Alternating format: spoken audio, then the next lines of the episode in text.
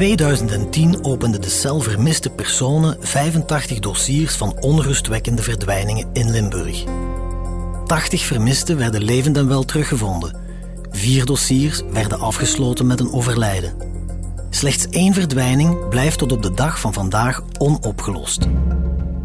Die van Elke Wevers. De 32-jarige vrouw uit Neerhoeteren verdween op 9 december 2010 zonder ook maar één spoor achter te laten. Tien jaar later tasten de speurders volledig in het duister over wat er precies met Elke is gebeurd. In deze podcastreeks van het Belang van Limburg reconstrueren we een van de meest mysterieuze verdwijningszaken die onze provincie ooit heeft gekend. We ontrafelen het hele dossier vanaf het moment van Elkes verdwijning en belichten verschillende pistes die het afgelopen decennium de media haalden. Dat doen we aan de hand van onthullende getuigenissen van familie, collega's, speurders en advocaten. Mijn naam is Geert op het en u luistert naar Waar is Elke Wevers? Het mysterie uitgespit. Waarom komen er meerdere verdachten weg met eenvoudige verklaringen? Als iemand onschuldig beschuldigd wordt, een normale mens weert zich daartegen. Je bent het perfecte profiel. Ineens staan ze voor je deur met vier man. Wie zal nu de echte verdachte kunnen zijn? Het is bijna een thriller. Hè? Dat gemis, dat is immens. Dat wordt elke dag groter en groter. We hadden een prachtige dochter. Die onzekerheid, die angst, die vrees, dat verdriet en dat lijden van die mensen. We leven niet meer. Overleven. Elke dag. Iedere avond hoop ik dat Elke hier weer binnenwandelt. Het is december 2011, een jaar na de verdwijning van Elke Wevers. Tom, haar vriend, geeft een groot interview aan het Belang van Limburg. In het appartement aan het Scholtesplein in Neergoeteren, waar het koppel zeven jaar lief en leed deelde, lijkt het alsof de tijd de voorbije 365 dagen is blijven stilstaan. Overal foto's van Elke aan de muur. Haar kleren hangen nog in de kast. En her en der liggen spulletjes van de jonge vrouw. Maar de realiteit is heel anders. Al een jaar zit Tom alleen aan de ontbijttafel. De plek van Elke blijft leeg. Maar als ze straks terugkomt, kan het leven gewoon verder gaan, zegt Tom. Het is ijdele hoop, want tot op de dag van vandaag blijft Elke spoorloos.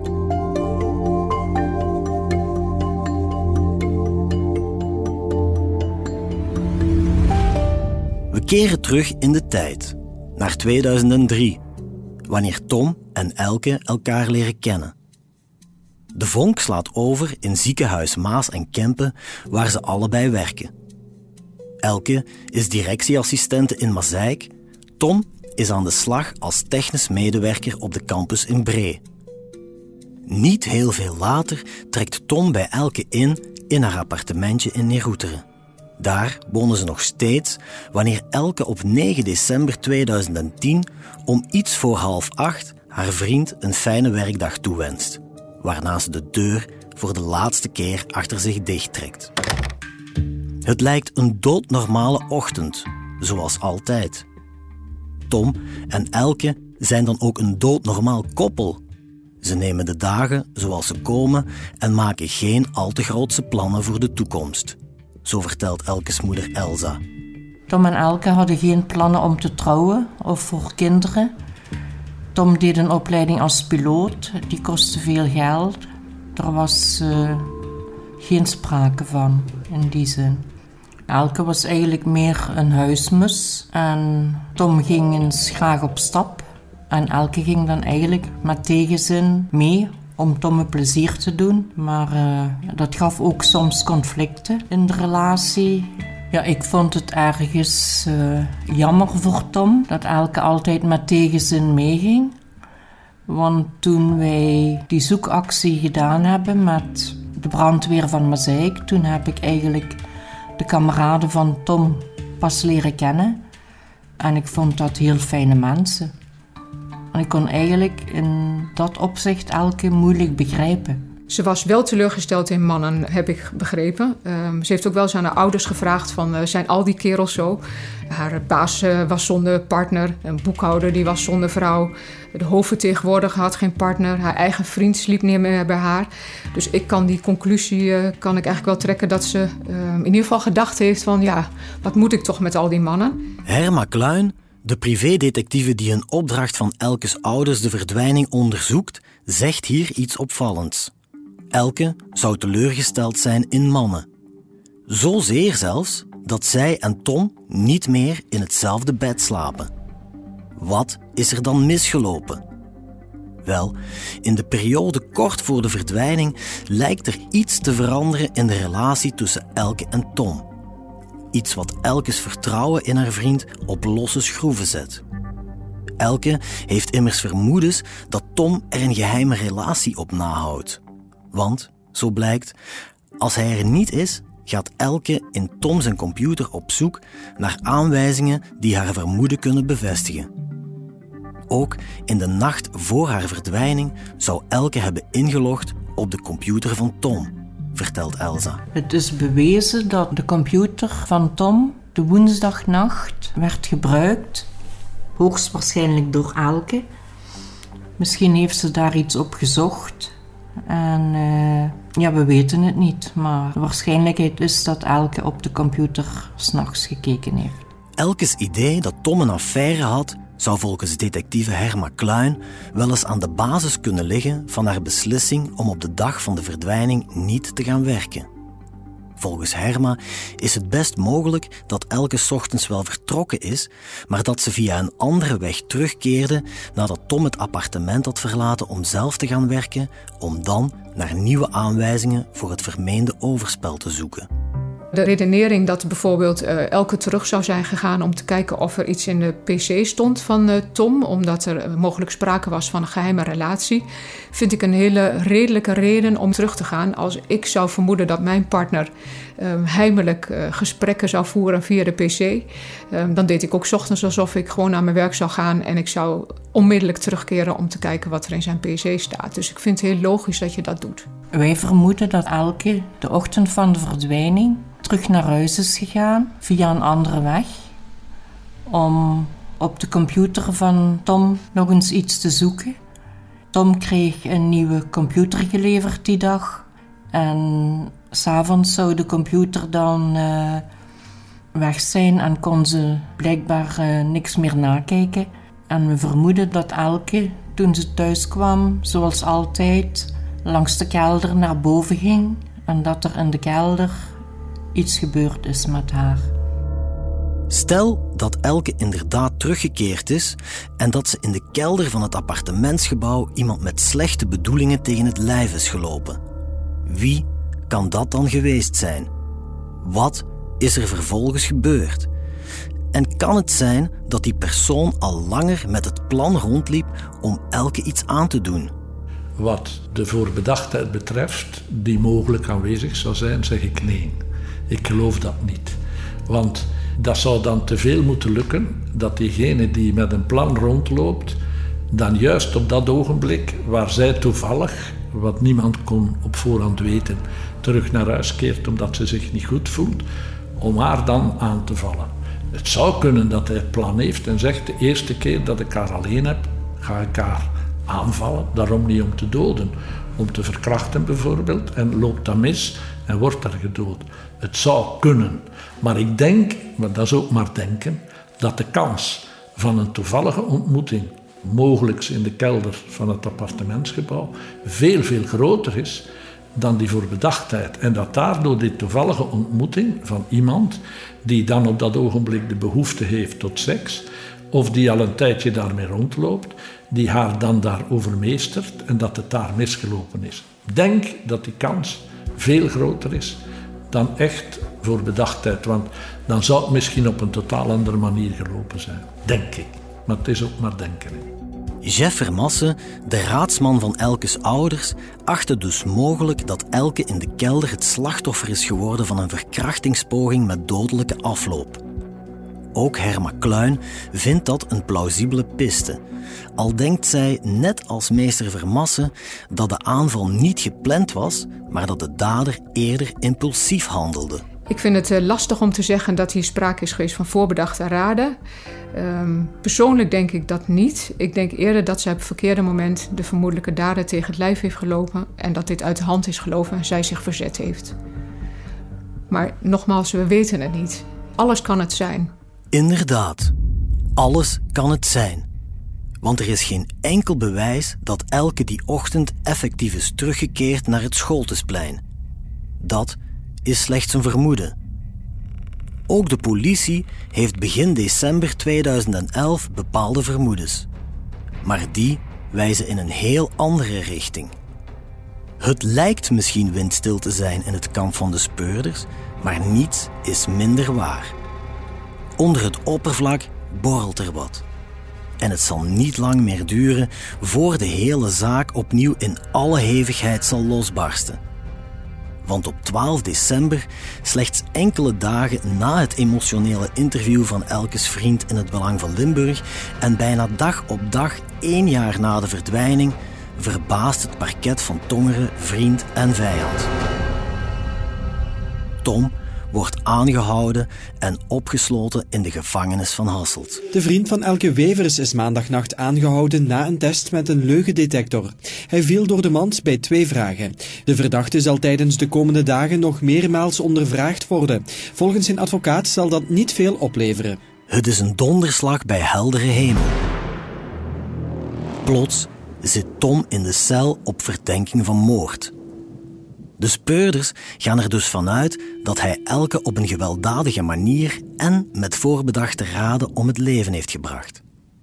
Een nieuwe wending die de ouders van Elke vertwijfeld achterlaat.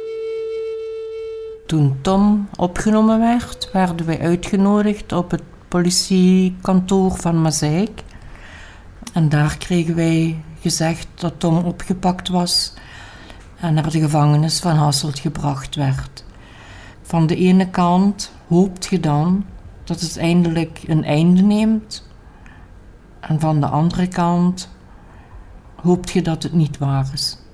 Dus je zit met uh, gemengde gevoelens. En dat was wel uh, heel moeilijk om uh, te doorstaan. Tom valt door de mand tijdens een leugendetectortest die hij nota bene vrijwillig aflegt. Hij zakt op twee cruciale vragen. Weet u iets over de verdwijning van Elke Wevers?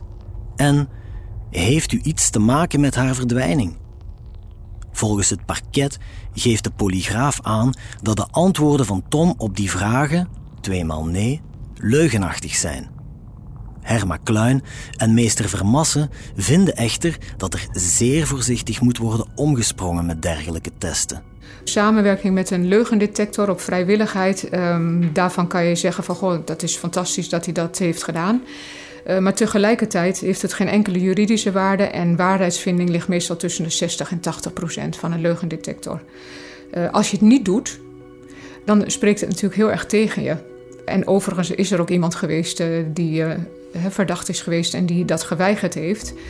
Ik vind dat het niet alles zegt over of je wel of iets gedaan hebt. Je kan het ook doen om juist de aandacht van je af te halen. Ja, we hebben dus gezien dat er een leugendetectortest is gedaan en dat de vriend van Elke daarin gefaald heeft. Men heeft een eigenaardige houding wat eh, die test betreft. Als die in uw nadeel is, ja, maar hij is wel in uw nadeel, meneer of mevrouw. Het spijt ons, het is geen overbewijs, maar het is in uw nadeel. Als het in uw voordeel is, dan is het jammer, ja, dat heeft niet veel waarde, dat is maar een bijkomend aspect. En je bent altijd gezien. Hier is dus net hetzelfde gebeurd, omdat die test voor de persoon in kwestie negatief is, heeft me gezegd, wij houden nu aan. En dat vind ik dus zeer gevaarlijk, omdat alleszins is er een serieus percentage dat er fout is en dat het resultaat niet met de werkelijkheid overeenstemt. Het is niet gemakkelijk om je daarop te baseren. Waarom het nuttig kan zijn, vind ik, dat is dat sommige mensen die de test falen, dan ondervraagd worden en dan zeggen ja, ik zal het maar toegeven. En sommigen zelfs op voorhand denken ja, ik ga hangen, ik ga bekennen. En dan is het wel nuttig. Maar we moeten zeer voorzichtig zijn met zo'n test. Want er is nog eentje in het dossier die een test gedaan heeft en die ook fout is. Hoewel het gebruik van de leugendetector erg omstreden is en een polygraaftest ook geen officieel bewijsmiddel is, toch worden in deze zaak meerdere verdachten eraan onderworpen. Ook Johan, de collega met wie Elke op de ochtend van haar verdwijning zou meeliften en die tijdens het prille onderzoek in het vizier kwam van de politie, krijgt enkele dagen na de aanhouding van Tom een telefoontje van de speurders. Toen kreeg ik dan de vraag voor uh, die uh, leugendetectortest. Ik mocht ze weigeren, maar wat heb je daaraan van te weigeren? Als je niks te, nu achteraf bekeken, is dat zo'n stresserende dag geweest. Dat ik denk, als ze mij dat nu nog eens vragen voor iets, dat ik het wel zou weigeren. En uh, ja, en ik mocht niks tegen de kinderen zeggen, want uh, die mochten dat niet weten. En, uh, maar ik zeg, ja, maar stel dat dat machine toch verkeerd gaat. Want Tom zat toen op dat moment, zat hij twee dagen vast of zoiets. Dat, ik zeg, stel dat dat bij mij ook zo is. De kinderen moeten toch weten waar dat, ja, dat ik, als ik rechtstreeks naar de gevangenis moet. Ja, ja die moeten dan toch weten waar, dat, waar dat de vader is of waar, dat papa is. Ja.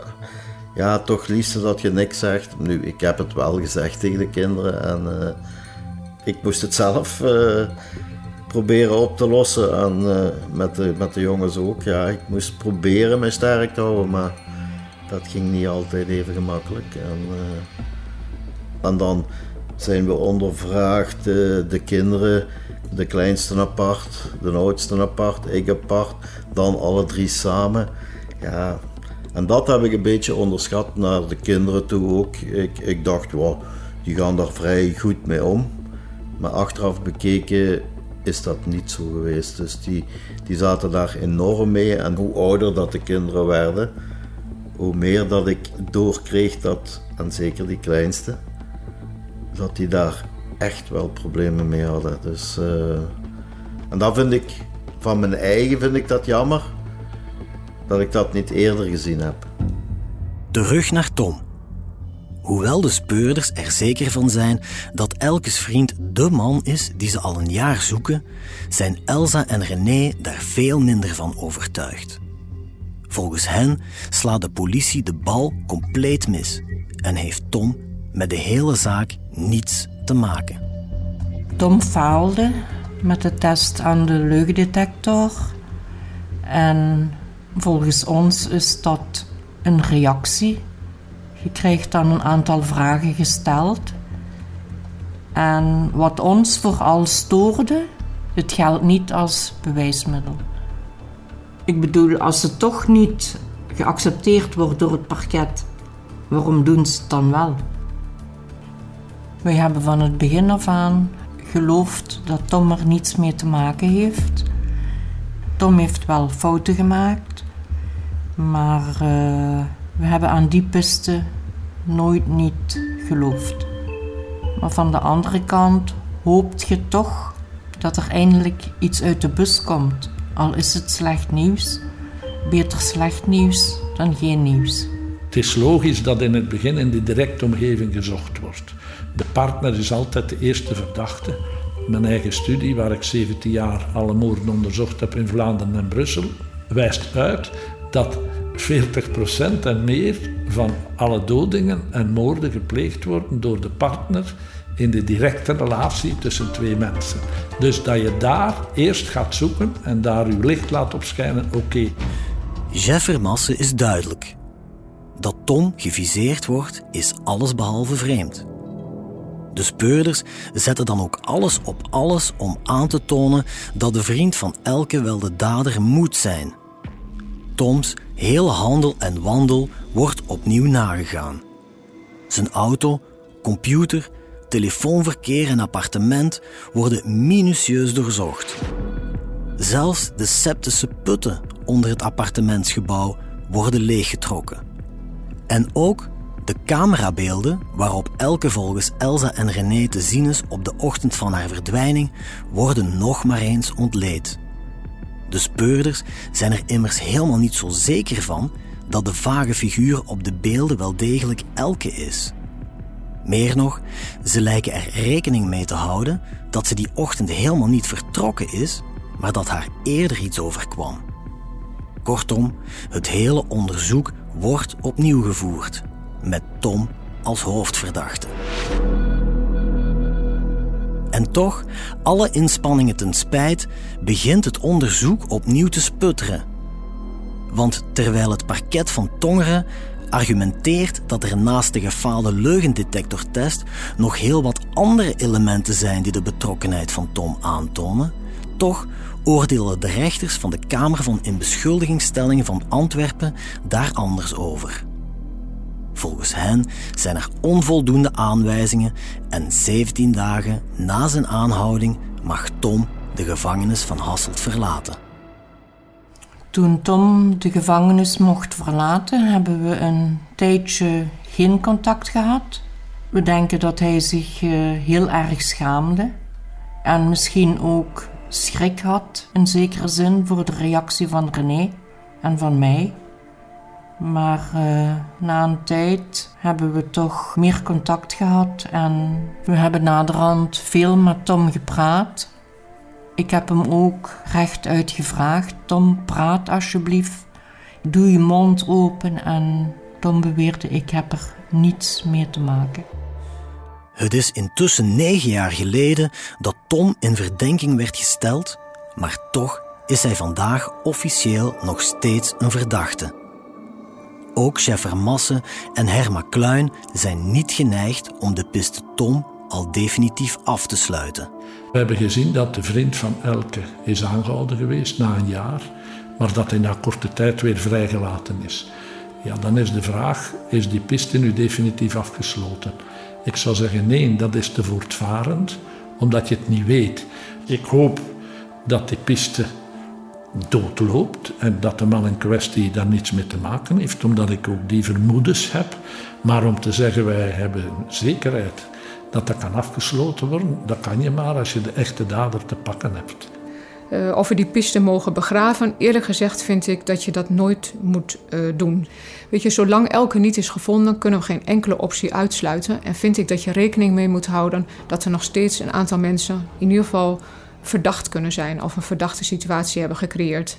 En wat mij betreft hoort daar ook nog steeds Tom bij, zonder dat ik daar een oordeel over vel. Uh, ik vind dat je rekening moet houden met alle pistes en scenario's.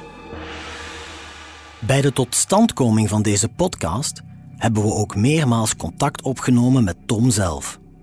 Er waren meerdere gesprekken waarbij we hem voorstelden om zijn kant van het verhaal te vertellen. Uiteindelijk koos Tom ervoor om dat niet te doen en om uit de schijnwerpers te blijven. Ook via zijn advocaat wenste hij niet te reageren. Daar kunnen we alleen maar begrip voor hebben. Al maakt het ook zeer duidelijk hoe impactvol het voor iemand moet zijn om al jaren met het stigma van potentiële moordenaar te moeten leven. Het feit dat men iemand aanhoudt is zeer ingrijpend in zijn leven, is zeer pijnlijk, zeker als dat de dader niet is. En wanneer men dan bij gebrek aan bewijzen iemand terug vrijlaat, dan blijft natuurlijk die schaduw van het dossier over die man hangen, van de mogelijkheid van jij bent het. Dus ik hoop dat ooit de dader gevonden wordt, hoewel die kans steeds geringer wordt. En als hij gevonden wordt, en het is niet de vriend van Elke, dan zal die in ere hersteld worden. Maar het blijft hem achtervolgen. En ik denk dat het heel zwaar omdragen is als je dat overkomt. Eh, want eh, die mens mag binnen zoveel jaar begraven worden. Op zijn begrafenis zullen er nog altijd een paar zijn die zeggen... maar hij heeft toch in een bak gezeten. Hè? Dat was toch iets raars. Hij had er toch iets mee te maken. En dat is het grote probleem, dat je verdacht wordt van iets waar je misschien helemaal niets mee te zien hebt, waar je een eigen rouwproces doet omdat je vriendin dood is, en dat je ondertussen in je rouwproces gehinderd wordt omdat je rouwproces hebt over jezelf, van ik ben aangehouden geweest en ik, mijn naam is om zeep bij de publieke opinie. Dus het afsluiten kan je niet, maar de kans is denk ik niet zo groot dat die man echt nog in aanmerking komt, maar Wie ben ik om dat te beweren? Ik ben maar de advocaat van een partij. Er blijft nog altijd een stempel boven zijn hoofd hangen, zolang het niet opgelost is. Want nu met zijn nieuwe vriendin hebben zelfs mensen gezegd: als hij ook weg is, dan eh, weet je bij wie dat je moet zijn. Ja, zo zijn mensen. We hebben tot nu toe nog altijd contact met Tom. Als er een probleem is, we hoeven maar te bellen en hij komt ons helpen. Voor ons kwam eigenlijk de piste Tom niet in aanmerking. En er is weer heel veel tijd verloren gegaan met in onze ogen een onnodig onderzoek. Even plots als de piste Tom explodeert, verdwijnt ze weer naar de achtergrond. En opnieuw begint voor Elsa en René weer alles van vooraf aan.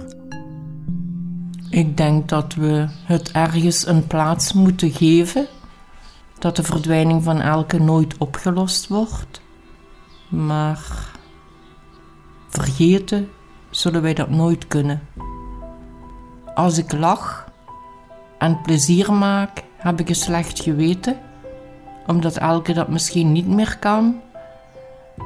Maar van de andere kant probeer ik zoveel mogelijk positief te denken en ook af en toe fijne dingen doen. Maar uitbundig feesten, gelijk het vroeger ging, dat gaat echt niet meer. In december vorig jaar kreeg ik een heel slechte diagnose. Ik had een tumor aan de slokdarm. Ik ben nog steeds in behandeling met chemo. Genezen kunnen ze mij niet meer. Wel uh, proberen in stand te houden. Vroeger had ik nooit lichamelijke problemen. Na de verdwijning van Elke heb ik meerdere fases in mijn leven gehad: ontkenning, waarneming. Gegeven moment wou ik helemaal niets meer eten. Volgens mij heb ik de ziekte gekregen door verdriet. Terwijl het stil wordt rond Tom, wordt het ook stil rond Elke Wevers. Heel stil. Jarenlang lijkt er weinig tot niets te bewegen. Tot in 2015 een oud politieman op zijn sterfbed een onthullende getuigenis doet, die het onderzoek onverwacht een hele nieuwe wending geeft. Wat heeft een brutale bijlmoord in Lapland te maken met de verdwijning van Elke Wevers? Dat vertellen we u in de volgende aflevering van Waar is Elke Wevers? Het mysterie uitgespit.